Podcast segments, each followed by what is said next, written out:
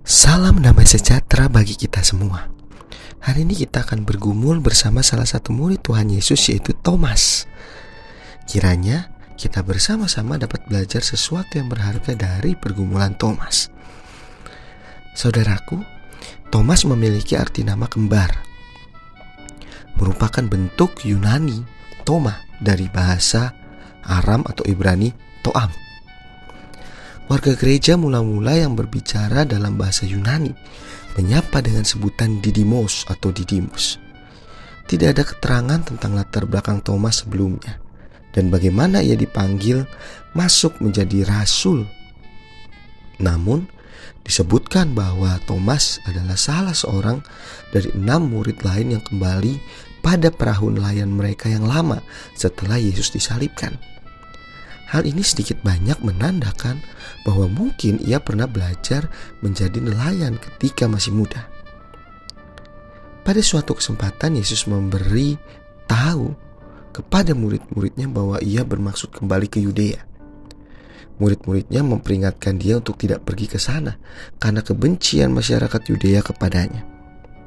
Tetapi Thomas dengan berani berkata, "Marilah kita pergi juga untuk mati bersama-sama dengan Dia." Perjumpaan dengan Yesus yang bangkit merubah dirinya, yang awalnya tidak percaya, lalu berubah menjadi sungguh-sungguh percaya. Perjumpaan tersebut membuatnya menghasilkan iman yang melenyapkan keraguan-raguan dalam dirinya, membangkitkan semangat hidupnya, serta tekad kuat berkarya bagi kemuliaan dan kerajaan Allah pertama kali membawa berita Injil ke India, khususnya di Malabar dan India Selatan, sehingga lahirlah gereja Marthoma yang berkembang hingga sekarang dan menghasilkan pemberita Injil yang membawa Injil ke Indonesia pada abad kelima di Barus, pantai barat Sumatera Utara.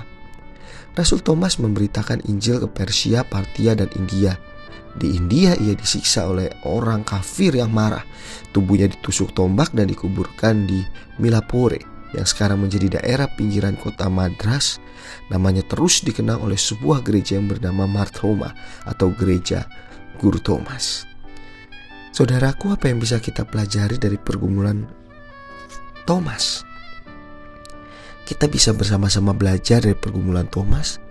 Mungkin kita sering kali kehidupan kita sama seperti Thomas kita memiliki keraguan-raguan untuk mendekatkan diri kepada Tuhan.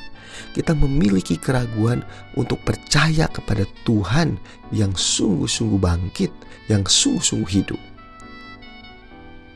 Tetapi, biarlah kiranya di tengah keraguan-raguan kita, kita tetap mendekatkan diri pada Tuhan dan datang kepadanya, sehingga kita mau membuka diri kita dan siap disapa oleh jamahan Tuhan yang hidup.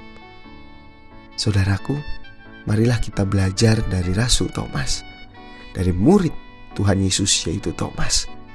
Teruslah, tetaplah mendekatkan diri kepada Tuhan walaupun hidup penuh dengan keraguan-raguan.